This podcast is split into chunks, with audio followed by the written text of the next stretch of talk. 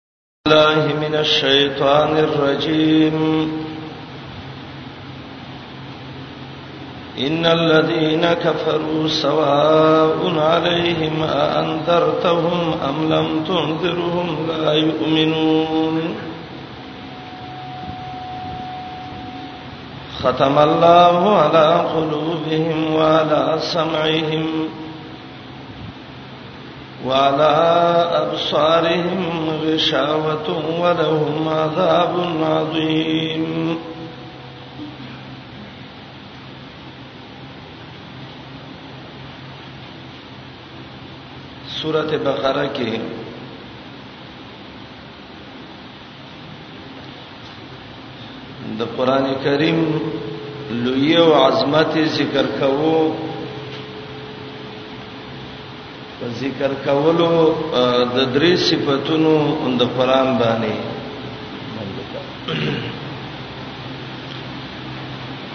یو صفت داو چې دا کتاب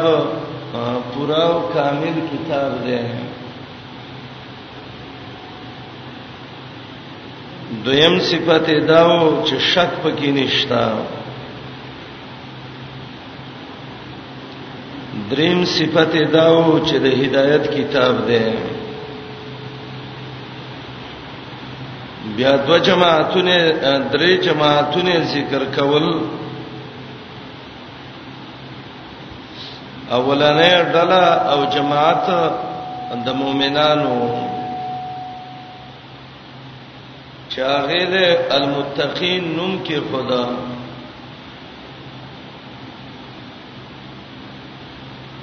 او د هغه پنځه صفاتونه ذکر کړل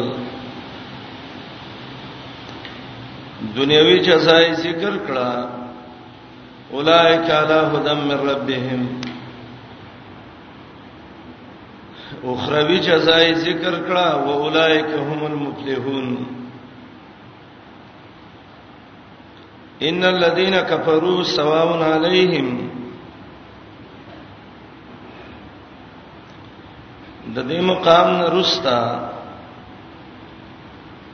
دویم جماعت او دویمه فرقه ذکر کړي چې هغه ته سوچ کافر وایي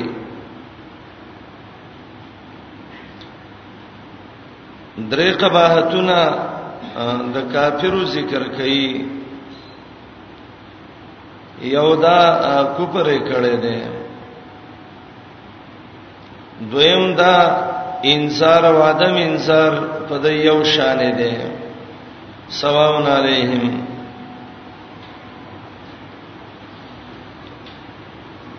او دریم دا لا یؤمنون ایمان پکې نشتا کافر دی دعوت پیدا نه ور کوي بیمانه دي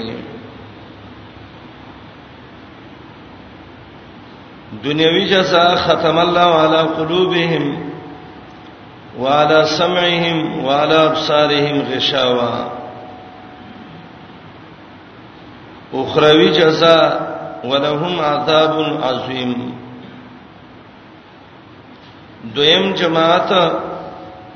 د کافرو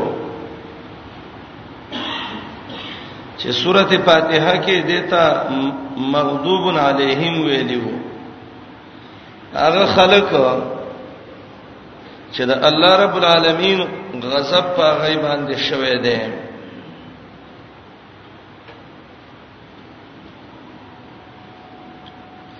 د دې آیات د مخ کې سرابت او مناسبت د مخ کې مضمون سره د دې سره مناسبت ده نو یو مناسبت ادا ده چې مخ کې ایمان ذکر شو وس نواقض الايمان ذکر کړي هغه شینا چې هغه ایمان خرابوي نواقض الايمان د ایمان ختمون کې شینا چې هغه ایمان تبا کوي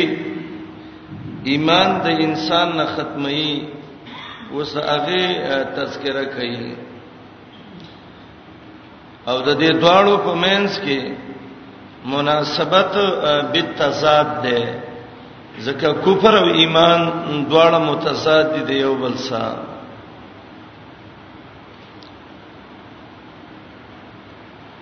دویم رب داده چې د صورت کې موضوع الایمان وس مقابل د ایمان ذکر کړي ځکه قانون دا ده وبزدها تتبين الاشیاء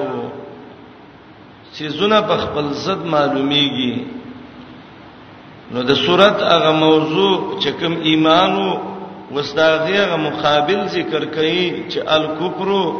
مقابل الايمان دریم د الله دوه قسمه صفاتونه دي یو ته صفات د رحمت وای او دویم ته صفات د غضب وای مخکې آیاتونو کې صفات د رحمت ذکر شو وس صفات د غضب ذکر کړي یعنی هغه صفاتونه چې باعث د دې دی چې انسان باندې د الله رحمتونه وشي هغه مخ کې ذکر کړل وس هغه صفاتونه ذکر کړي چې باعث پدې دی چې په انسان د الله غضب او د الله قهر وشي کوپر سبب د غضب دی دعوت نه قبلول سبب د غضب دی د الله ایمان نه راوړل سبب د غضب الهی دی څلورم ربط او مناسبت هغه دا دی چې د قران قانون دی چې ترغیب او ترهیب دواړه جمع کړي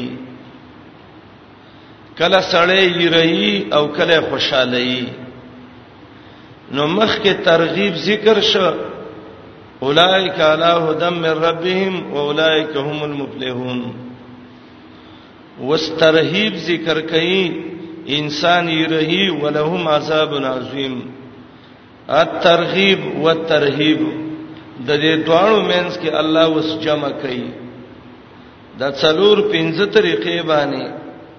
د آیاتونو د مخ کې سم مناسبت ده نو ان الذين كفروا سا نواقض الايمان ذکر کړي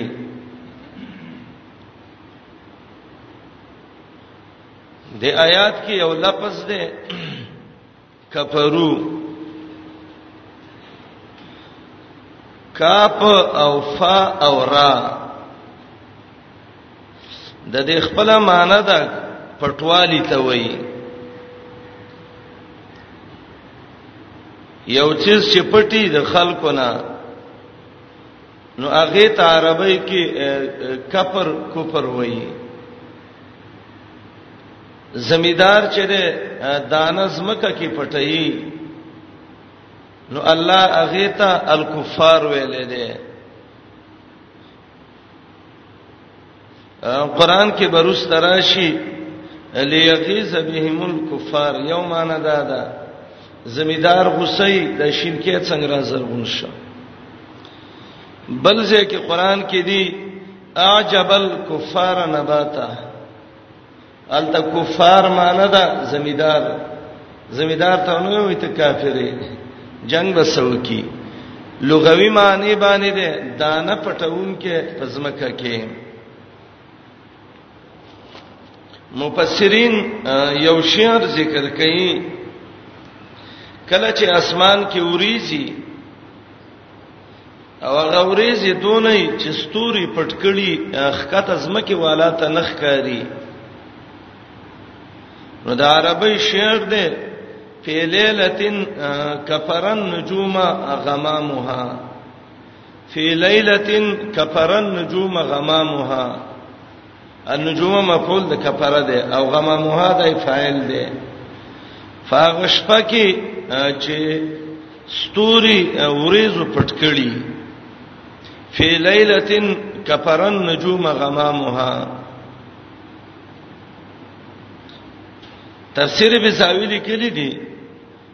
ومنه الکفر د بازارونو کې چې خرڅيږي کوپرا چوته وي وای د کوپرې تم کوپرا زکه وي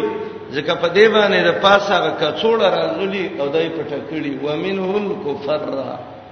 دا تفسیر بزاوی وي نو د کوپر لغوي معنی ده الستر پټواله د دې وجنه کفاره ته کفاره د دې وجنه وای چې دا ګناه پټي فکفارته اطعام عشرة مساکین قران چې وای اصطلاح کې کفر څه ته وای الانکار عما جاء به النبي صلى الله عليه وسلم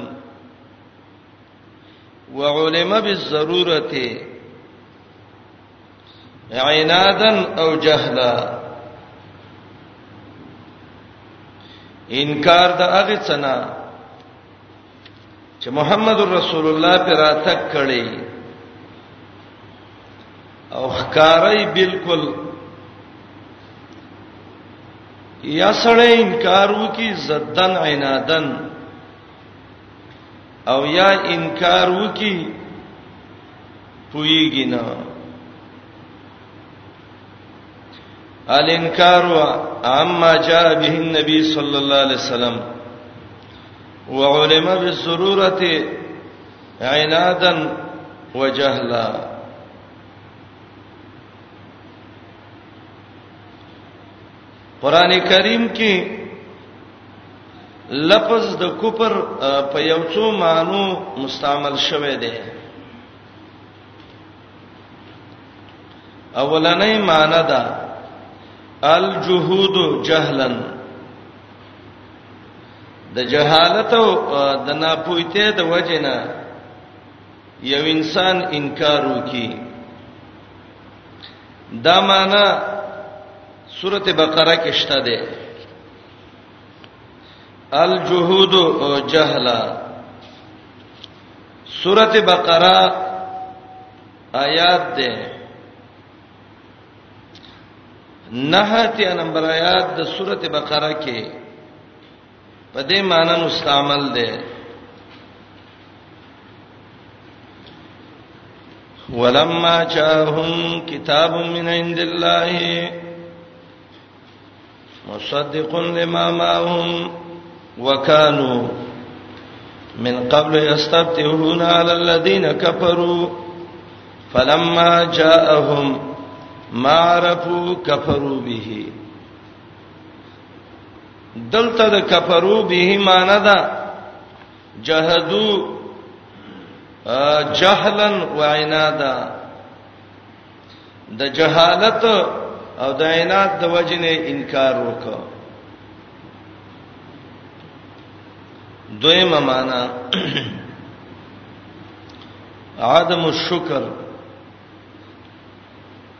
ناشکرۍ تم کفر وای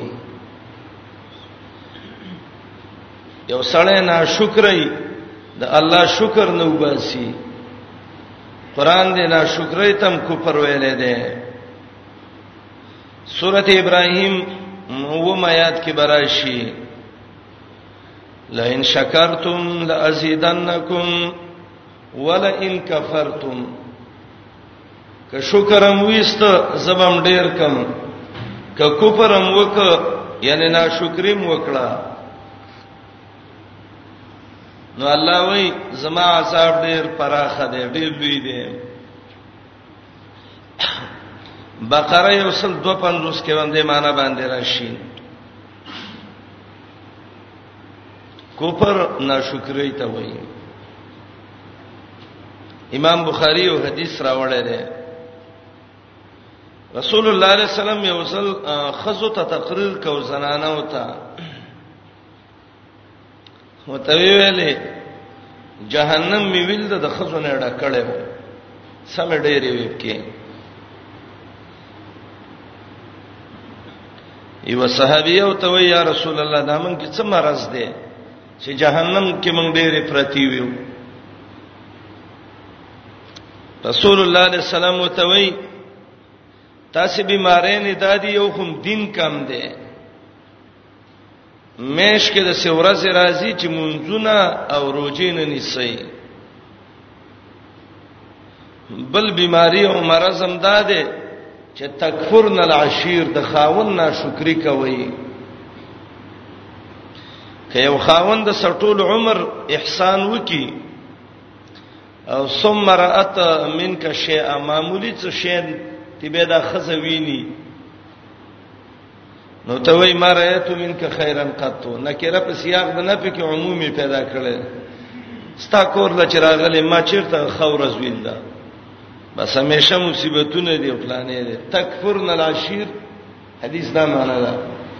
خزه د خاون ناشکری کوي ناشکر خزه د خاون یو صحیح روایت کې دی چې ټول شپه په د الله غضب او قهر وریږي باتت علیها غضب من الرحمن نو د کفر معنی دا عدم شکر ناشکری کول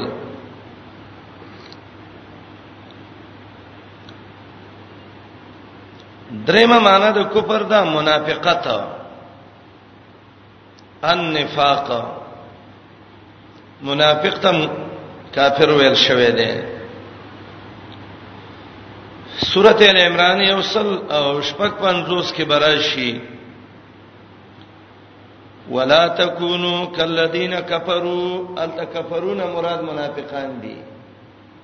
مؤمنانو چې منافقانو په خې شرونه کوي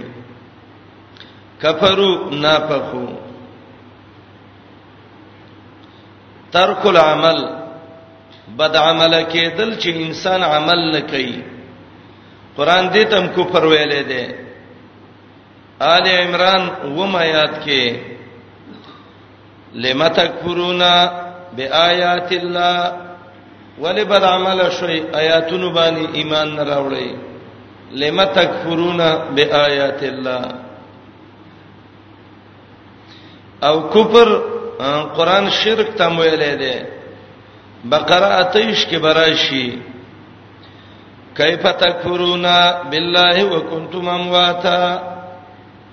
انت تکفرون معنی د تشرکون 28 نمبر آیات بقره کتمان الحق حق پټول دتم قران کو پر ویلې دي یو سړی حق پټ کی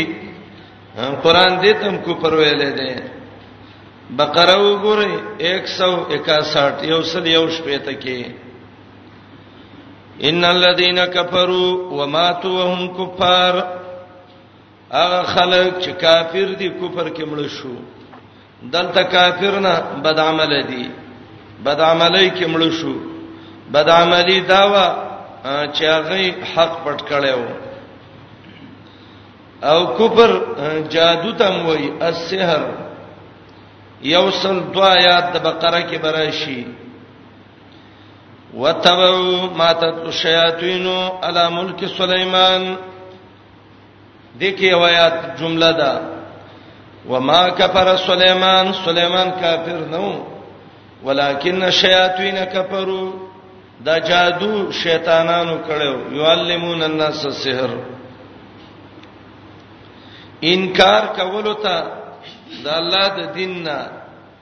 دیتم قران کو پر ویلې ده سورته ابراهیم وګورئ ال انکار ان دین الله د الله د دین نه انکار کول دا هم بلکې د یو شینه مطلق انکار کول نفس الانکار انکار د یو کار نه قران کله د سه آیاتونه ذکر کی چې د انسان ذهن کې دای چې دغه د قیامت زین مخه سورته ابراهیم شلم آیات نه رستا د آیاتونه الله ذکر کړی دي وبرزو لله جميعا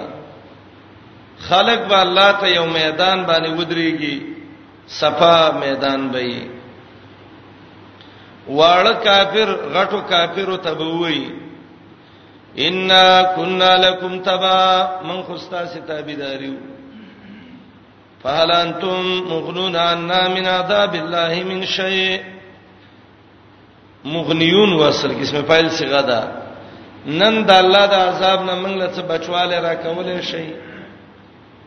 من خو ستاسو تابعو کتا چې به ویل شیندې موږ به ویل شیندې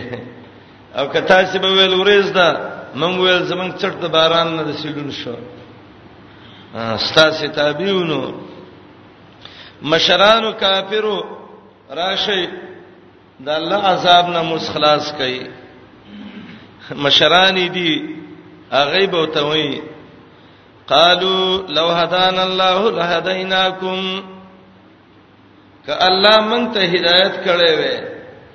مونږ به تاسو ته په طریقې اولا باندې هدایت کړې وې خو مونږ بي دینو تاسو بي دینه کړې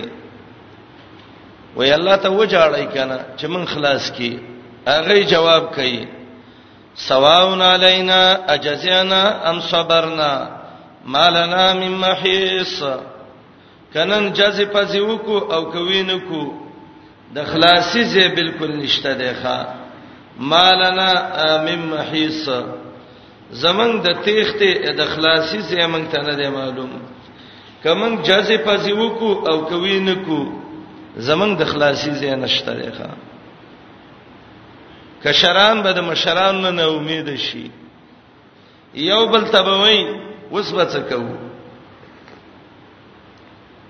قران بل صورت کې وایي لعنت اختا یو بل تبوي پتا د لعنتي بل بوي پتا د لعنتي بقره کې براشي کشران به ومي الله دنیا تم واپس کې فنتبرأ منهم كما تبرؤوا منا نن موږ نه بیزار شو دنیا کې به موږ به دای سکین نو د خپل مینس کې به وای راځي زمنګ یو مشر لیډر او یو مشر ملکمو یو مشر حاکممو راځي غلزو او وتوبه ویو چې مونږ ټول منډه تاله والے الا شابه اوس مونږ له تمنډه ووا را بشي شیطان ته ودرېږي وتوي براغلیو زمنګ مشره من خلاص کا شیطان به کینې تقریر دتا کومه وقال الشیطان لما قضي الامر ان الله وعدكم وعد الحق ووعدتكم فاخلفتكم الله د سواده کړي وا د الله وعده ورښتنی ما وعده کړي وا خو وعده کړي نه کړي زه زه مخالفت کوم وجنې می لازم کته پورته خلاص څه کوي وی کوي نو دای به ته وای ته څنګه خلاف کې اوس خلاصې دی شي شیطان ډیر چالاک دی ښا وته وی وما کان علی علیکم من سلطان ستاسو ما څه دلیل دی الا ان دعوتکم فاستجبتم لی ما را بللی وی تاسو به دلیل زما خبره قبول کړې وای ما به ول غلط څوک کوي تاسو سینې لړا ورک چالک شته دی ما به دروغ څوک وای تاول زما خلل الله ژوند دی لري ما به ویل د قبرونو باندې مسارونه څوک جوړي تا به ویل بنکونه مې ډک دي زې مکنه ما به ویل د پیغمبر خلاف څوک کوي تا به ویل زېما فلا تلومونی ولومن فزان بلا متکول به دلیل خبره منله ما نبی مسرخکم وما انتم بمصرخيا زستا سي پر یاد رسنیم تاسو زمانه وي زه خپل کار کوي مو په نوم رکشا نو دا به ته وي ته چې مونږ الله سره شریک کړي وي نو شیطان به وي انی کفرت بما شرکتمونی من قبل زه انکار کوم دا غنا چې تاسو مخکې د الله سره شریک کړي او تاسو ظالمان وي ان الظالمین لهم عذاب الیم تاسو له درناک عذاب په کار زه الله جهنم ته ورو ورځوا کوپر انکار انی کفرت بما شرکتمونی من قبل دلته کوپر معنی دا انکار کولا بل معنی د کوپر دا کفر مرتد کېدو تم وای انسان چې مرتد شي د تم کفر وای سورته ال عمران وګورئ 86 شپږتیا نمبر آیات ته وګورئ 80 86 الکفر الارتداد سړی کافر شي مرتد شي بيدین شي الله دې ته موږ وساتي دې ته کفر وایي حیات وګوره 80 نمبر آیات ته وګوره اتیا نمبر آیات ته سورته ال عمران آیات اخر ته وګورئ ایامرکم بالکفر اذ انتم مسلمون آیا پیغمبر د ته حکم کوي په مرتد کېدو پس دا غنا چې تاسو مسلمانان وئ بالکفر بل ارتداد دلته کفر معنی ده مرتد کېدل شپږتی اچي سیته وګورئ کیفا یهد الله قوما کفروا بعد ایمانهم سرانګي به الله هدایت وکي یو قوم ته کفرو بعد ایمانهم چې د ایمان نرسته مرتد شوی دي الکفر الارتداد مرتد کېدل د ته کفر وایي التولی عن الرسول د پیغمبر د تابعدارۍ نه ګرځیدل د تم قران کو پر ویلې دي سورته ال عمران وګورئ 32 نمبر آیات 32 نمبر آیات آل عمران آیات نمبر 32 دواویا دواتیا 32 دویرس نمبر آیات قل اتیو الله والرسول فإن تولوا فإن الله لا يحب الكافرين اے پیغمبر اعلان وکا د الله او د رسول خبره ومني خیر د خلق به خپي ورونه به خپي پلار به خپي مور به خپي کلیوال به خپي مشران او کشران به خپي قاضین او بادشاهان بخپي خو زدا خلک ډیر دي ډیر نه خوشحاليږي الله یو د یو خوشاله کا د یو خوشاله ول آسان دي او د ډیرو خوشاله ول ډیر ګران دي د الله او د رسول تابعداري وکا او کدا خلق وګرځیدل نو فإِنَّ اللَّهَ لَا يُحِبُّ الْكَافِرِينَ یقینا الله مینن ساتي د کافر وسه د کافر دلته مان ده المتولي ان اتباع الرسول چې د پیغمبر د تابعداري نه وګرځي قران متکافر ویلې ده دا معنی قران ذکر کړی دی د کفر دا ماده د کوپر 1500 او 25 زه 525 زل قران ذکر کړی دا او لفظ د الکفر قران یو سل څلور نوي زه ذکر کړی دی په دې معنی باندې مستعمل دی اقسام الکفر کفر یو څو قسمه ده یو ته کفر اصغر وای اصل خبره دا ده دا کفر د ایمان ضد ده لکه څنګه چې ایمان غني شعبې دي نو دغه شان کفرم غني شعبې دي یو ته کفر اصغر وای ورکوټه کفر داغه کفر ده چې مخرج عن الملت نه ده انسان کافر کوي نه امام بخاری باب ذکر کوي باب کفرین دون کفرین د غټ کفر نه وړو کې کفر باب کفرین دون کفرین کفر اصغر مخرج عن الملت نه ده انسان په کافر کیږي نه چې خزه په طلاق شي او مال به مسلمانان تقسیموي او دا واجب القتل دی مسله د تکفیر ډیره مهمه ده ډیر خلک پکې خوې شو او بس علماو ته کافر وې و او نیکانو خلکو ته کافر وې و ولی پلانې کارته وشو ولی پلانې ته وشو او دا لیونی باز لیونی دسی داغو د خلو شخوان ډیر خرابي ښا یو کال مخ کې دوا یو تن راغې ما ته وی تعالی دې سي ز بیمارون ته پوسټه مې راغله مالې او وای ته خو کافر وای نو ما ته څنګه تر تعالی دې سي ول تر کافر وای داغه د خله ډیر کریه الفاظ ویل تپلانی ځای کې اوسېږي طاغوتی نظام دی بل دی په دې کافر کې مال ته کم ځای کې اوسېږي زما استامینز کو 15 کیلومتر فاصله ده څنګه ته د سینا غاړه مؤمن شو زه دې غاړه کافر شوم دا بی دین رسول خلق او د دې عادت دا دی د تکفیرینو چې مهنت په حدثه او احلام کشرانو باندې کول او د دې لوی مقصد څه دی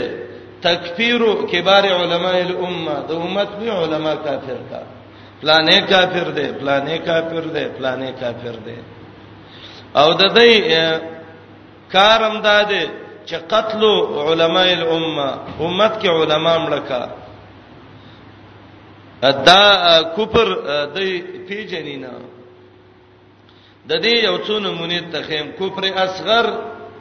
امام بخاری د دې باب مقصد هم دا دی چې باب کفرین دون کفرین سړی نه د کفر عمل شوه دی خو ورکوټه کفر دی کافر کیږي پینا دا مخرج عن الملت نه دی د دې مثال وګورئ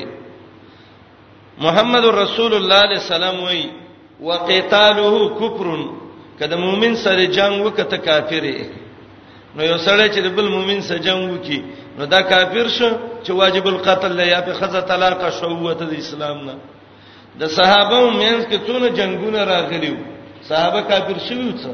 نه وقتاله کفرون ترمذی ابن حبان یو روایت راوړی دی من قال لاخيه یا کافر مسلمان ته دی ویل کافرا فقط با بها احدهما یو باندې دا ګناه راګرځي نو څه معنا د کې یو تن پوره کافر کیږي نه دا کفر اصغر دی دا ګناه کبیره ده د دینه بزان ساتي حدیث کې راغلی رسول الله علیه السلام وی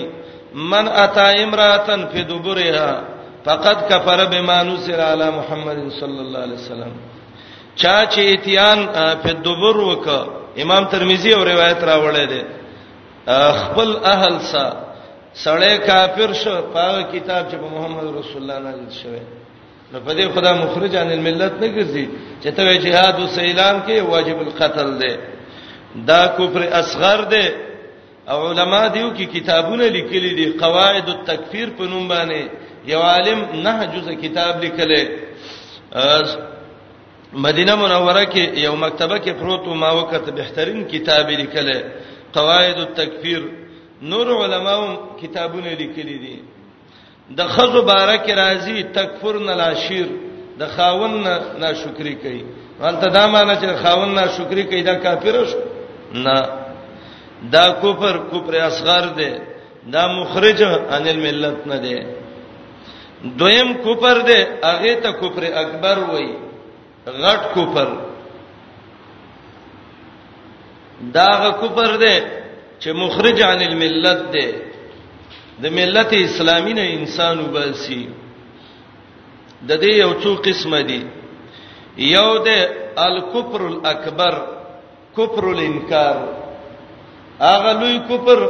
چې هغه د انکار کفر دی انکار دا معنی د الله د دین نه انکار کوي لکه کفر د دهریو د کمینستانو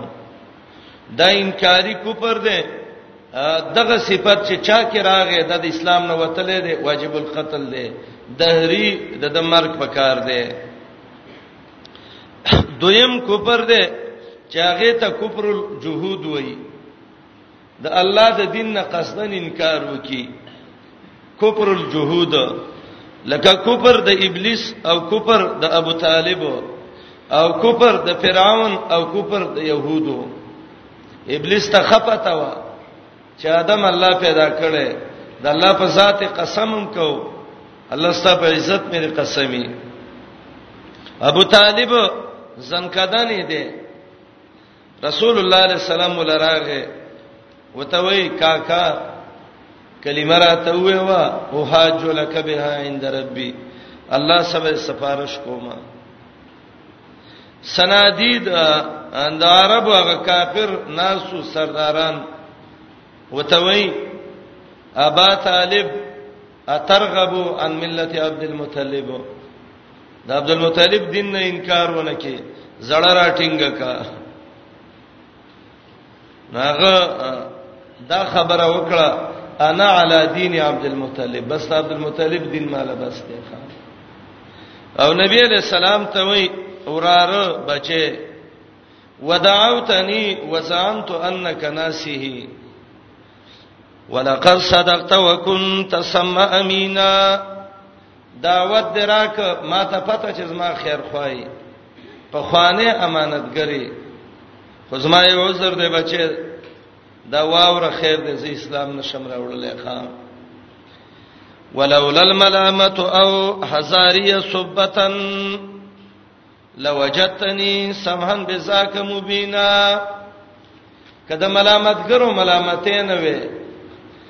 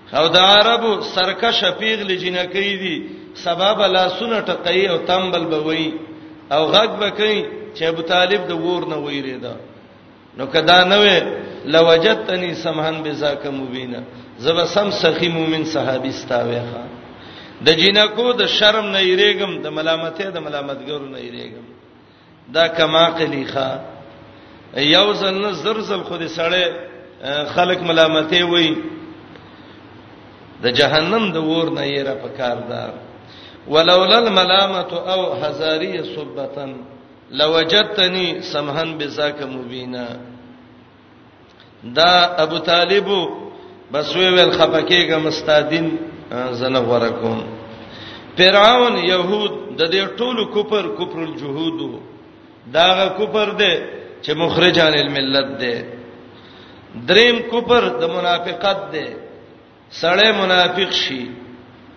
څلورم کفر د شرک دی پنځم کفر عن آیات الله د الله د آیاتونو نه کفر وکي یاره نه منم د الله آیاتونه دي نشم منلې بس قران کې دی حدیث کې دی زما طبيعت نه اخلي نو چې نه امام مجبوره کوي وي د تال کفر ان آیات الله وي به کفر دوه طریقې باندې کیږي کله کفر بالجهالتی د ناپوهته د وجنه د کفر عمل د چانه وشي او کله کفر عینادی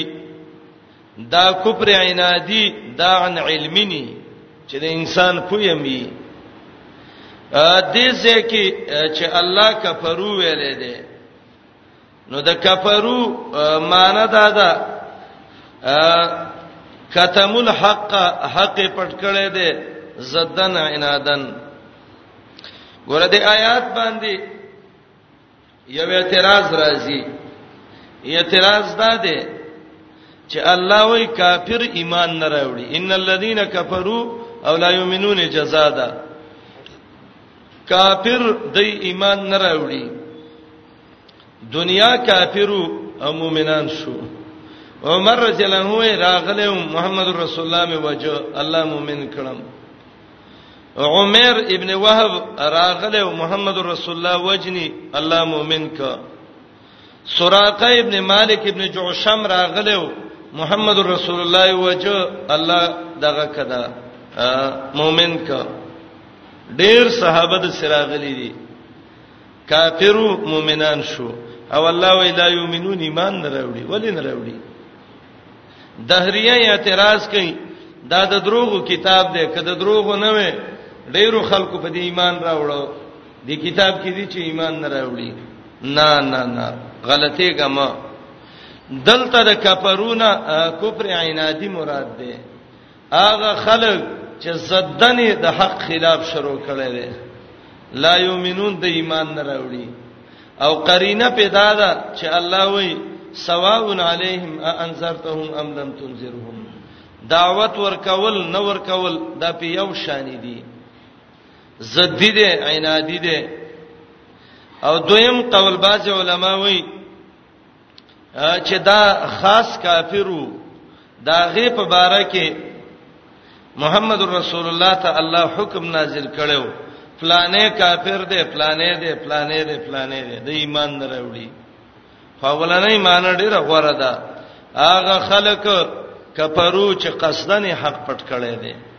حق وته معلوم دی حق پټ کړي دي حق وته پته ده خو زدن نه مني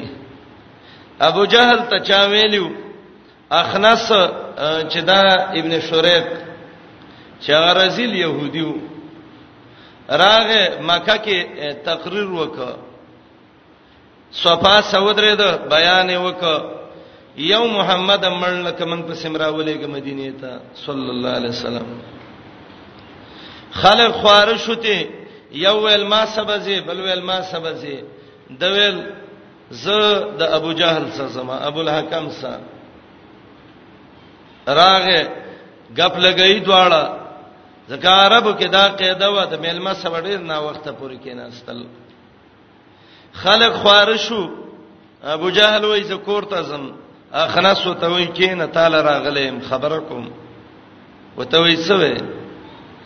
وای دیځه کې یو تی او یو زم او دریم رب الکعبه ده ماته رښتې وې و دا الک چې راغله دی او د پیغمبري دعوی کوي محمد رسول الله دا سړی رښتې پیغمبر دی او کسي غفله کوي تا ته ډیر معلومات دی ډیر د عربو پوهه سړی ما ته وایا ابو جهل وی بل څوک نشته وی قتل یو تی یو زم وی او وی قسم په الله که زه ویم چې زما زوی زما بچی دی شک به می کې نه شي خزې می زنا کړی را دي پیدا شوی خو که زه ویم چې محمد د الله پیغمبر نه دی زبدروغ جنې ما یقینا چې پیغمبر دی نو ورته وای د الله بنده نو ولې خلاف کې چې سیدا ده منګه مدره او ځانم مدره نو داو ته جواب کې وای چې من او د عبد المطلب بچي زمنګ تل یو شان و د دای کې مالدار او من کې مو د اجینو له ډوړی ورکولې منګ بم ورکولې د د بیت الله خدمت کو منګم کو د جیلین سادول منګ مسادول د کې ځوانانو منګ کې مو د بجنګ کو منګ بم کو وس که منګ ومنو د دې نبوت نو منګ کې به نبی نه او د کې به نو د دې تله په منګ درنیږي نو خبره منلې نشو هغه ویل ښا وای سیدا دا کفرو زدن عنادن کفر کو د سینه چې دا ته پته نه وخپویدل لیکن ظالمانو رسول الله تبع الصادق الامین ویلې رښتینی امانتګر به وته ویو خو چې دعوت شروع ک خو به دروغجن دی مجنون دی وزدوجر رټل شوی دی ساحر دی د کفرون مراد هغه خلک دي چې هغه زدن عنادن حق پټ کړي دي یو هغه سړی دی چې نه پويږي هغه ته الله هدایت ورکړي یو هغه سړی دی او هغه انسان دی چې هغه ته پته ولګي دا عزت کې ودرې ده دا شر داین مردار مرز دی حسد انسان تبا کوي یاره دغه دی دا مولای سیر دی فلانې دی خبرې خې کوي کتاب او سنت سم برابر دي الله هم په خوشحاليږي منلې نشم ولی وسه پورې مې دا عمل کړی نه دی زبر خلکو ته څه وایم د الله بنده د خلکو وینا پرېدا دا ویو چې زبر الله ته څه وایم مشرکین مکه دون عزت کې ودرېدل مقام د بدر کې ولاړ دي او دعا کوي د پیغمبر خلاف کې ولاړل او په دعا کې وای الله ک محمد رسول الله په حقي رښتیا پیغمبري فامطر علينا حجاره من السماء اويتنا بعذاب اليم رب د غټو باران را باندې وکي الله موږ له عذاب راکي باندې چې راغلو یو قریشیو ته وای تاسو دا باندې چین ډیر کما خلی وای ولی وای کما خلتوب کې مشهور وای هغه ته وای تاسو د عربو نام کما خلیو وای من کې کما خلتوب څه ده وای تاسو د دوی نه لوی کما خل دنیا کې نه دی راغله چې ویلي الله کدا په حق ما په ګټو ولي د سبه ویلو چې الله هدایت مې نصیب کړي عالم ته وی یقینا چې من قام خلیو تاسو خیر وي د دې کفرونه کفر عنادی مراد ده زد عناد کې چې څوک ودرې ده خاص کر د مولا او د وخ حسد الله دې ته وساته وجنې دې تبا کوي دې سواون علیهم لفظ د سواون قران کې وایي چې راغله ده سوا کله راځي په معنی د مینز وسط سره راځي سورته صافات 55 کې براشي فطلا فراو په سوائل جهنم دا جنتی به ورخکار شي خپل دوست به د جهنم مینز کې ویني سوا وسط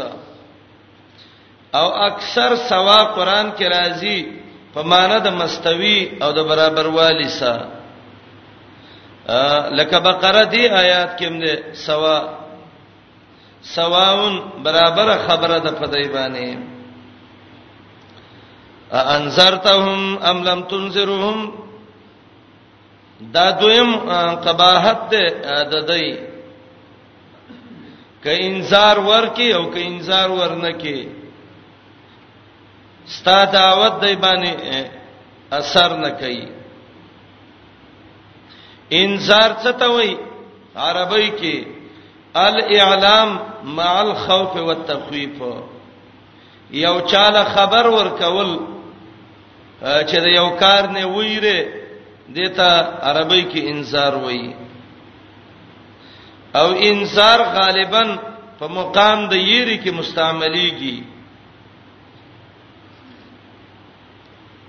دویم د د دې زد چاغه ته بشارت وای بشارت څه ته وای الاخبار بما يظهر السرور في البشرى خبر د هغه نه ورکول چې د انسان زړه کې دا غینه خوشحالي راشي مخ باندې خوشحالي ښکار شي وای پلاني زیره وک ان جاء البشیر زیری ته بشارت وای ځکه د سړی دا د مخ ترمن بشرا دا اوسه د سروخانه شيخه انذرتهم محمد رسول الله کته ویره ام لم تنذرهم کیر او لورنکی لا یؤمنون ایمان نه راوړي ګورتون سدیده دون بی ایمان ده دون د کوپر نړک ده کدا الله نه ویره نو هم په د اثر نه کوي کدا قیامت نه ویره نو هم په د اثر نه کوي که کتاب او سنت وته وې نو هم په د اثر نه کوي لا یؤمنون ایمان نه راوړي د مقام کې یو سوال راځي سوال دا دی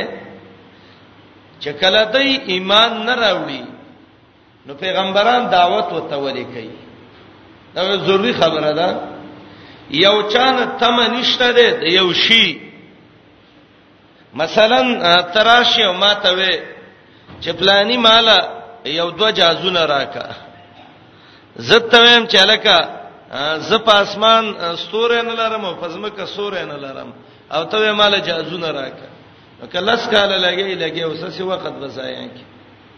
مچ دې پکارشته دی ویني سم چېشته دی چې ون خلا یا به وچی چی او یا به وغورځي موږ سره جازونه څه کوي او ته به ماته وی جاز راکه جاز راکه خلک به تا ته لیونی وای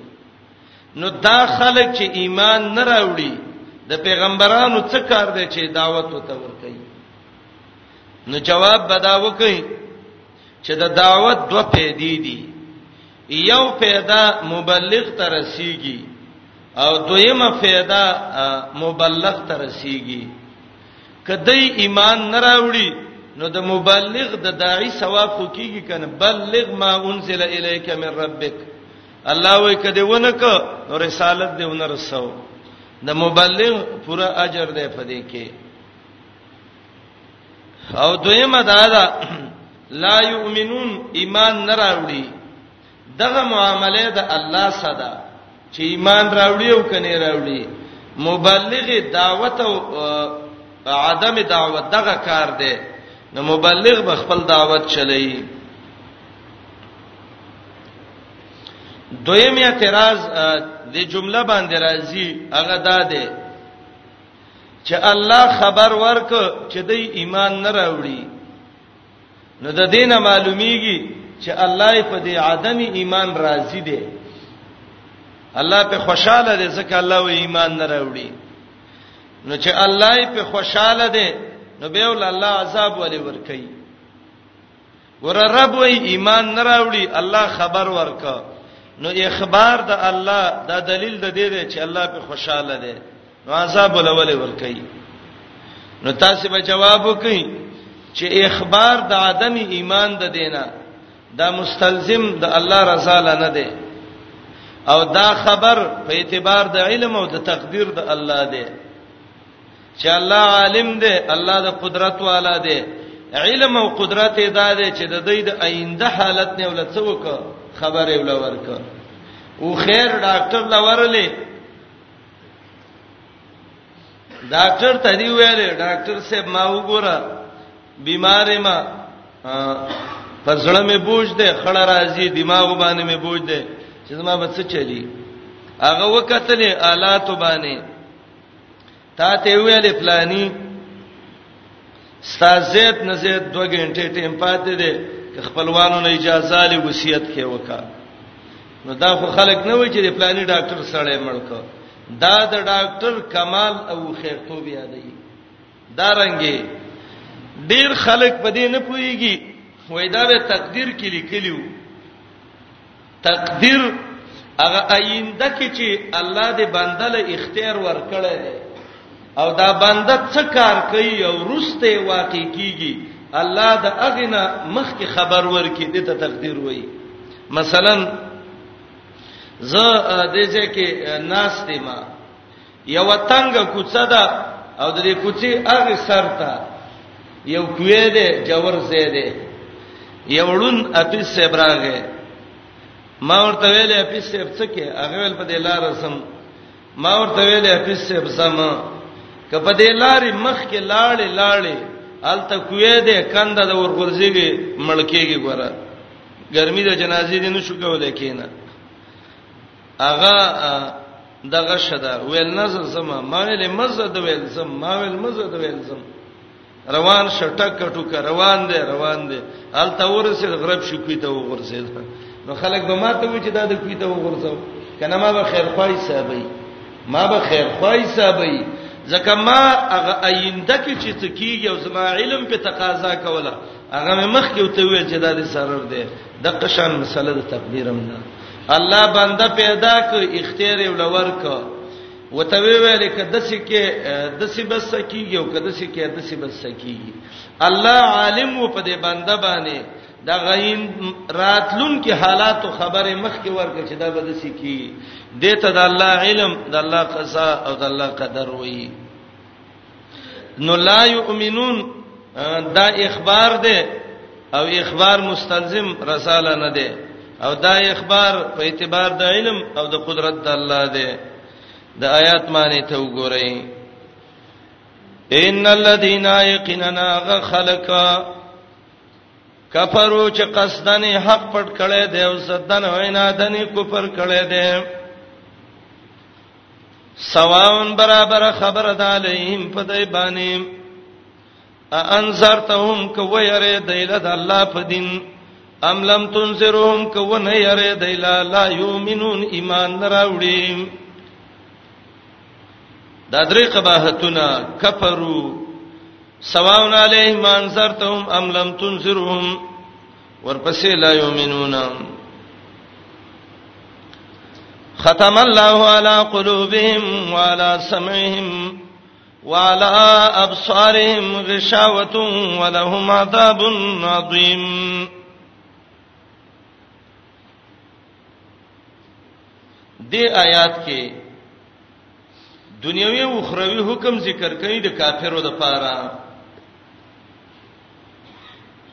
مقابله بالتضاد د مؤمن او د کافر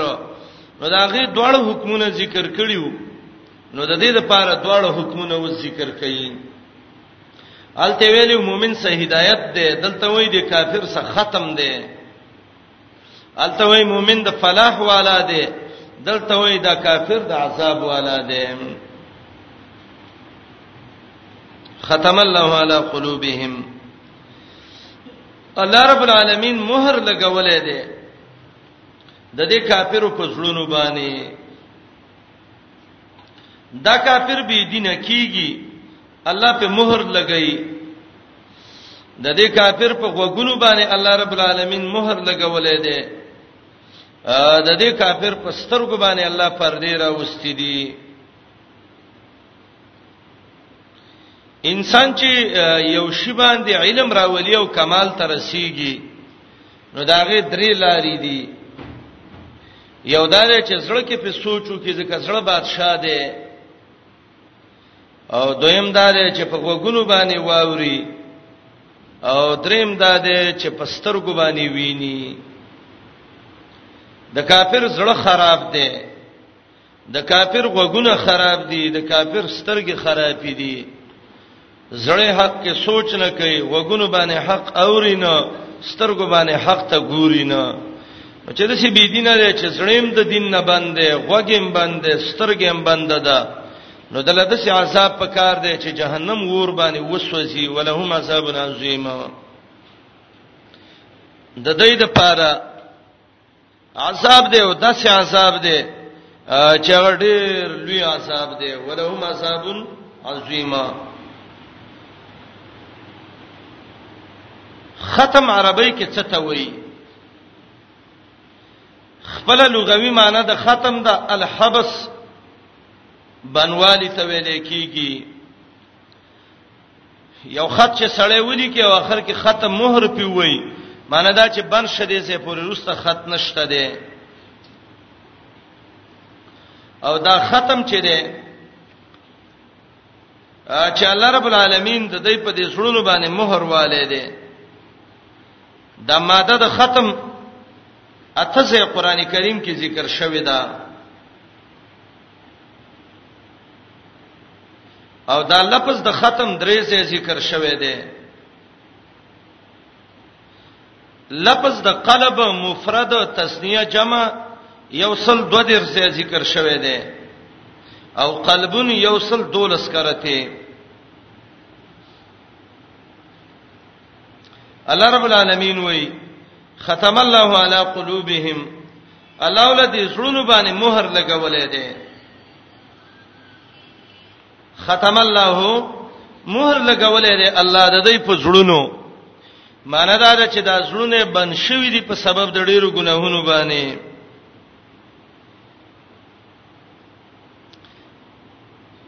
دا ختم د سینه د زما ورونو کله چې الله پاک یو مهر راوغستو د کافر د سړ باندې وو نه تفسیر القرآن بالحدیث د قرآن تفسیر به په حدیث او سنت سره کې امام مسلم یو روایت راوړی دی امام احمد هم دا روایت المسند کې ذکر کړی دی روایت د حذیفه ابن الیمان رضی الله عنه دی حذیفه ابن الیمان هغه صحابیو چې دا صاحب سر رسول الله د محمد علی السلام د راز مرګره و حذیفه وی محمد رسول الله علیه السلام ویل دي چې تورز الفتن علی القلوب کل حسیر عودا عودا دا فتنې دي زړونو تر مخامخ کیږي او دا سره مخامخ کیږي لکه انډیرم مسله چې دا لرګي او دا د میزری د پاڼه یو بل باندې د سی ورواوړي مصلی هم لیدلی په خاغه دغه مصلی و د مزری او د بون نه به جوړولې نو کوم خین کړي پاږي کې دا یو تار په دې بل د سوره وړي تعرض الفتن دا فتنی برا پیش کیږي علی القلوب د الله د بندگانو د زړونو باندې عودن عودا لکه لرګي چې په لرګي اوړي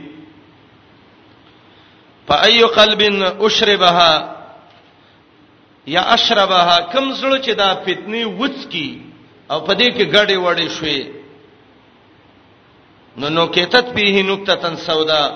د زړه کې یو تور ټکی وشي ګناي وکړه الله د زړه کې یو تور ټکی پیدا کی و اي قلبنا انکرها کم زړه چې هغه انکار د فتنو نه وکي فتنه راځي لیکن الله د ثبات او استقامت نصیب کړي نو نو کتت فيه نقطتن بيضا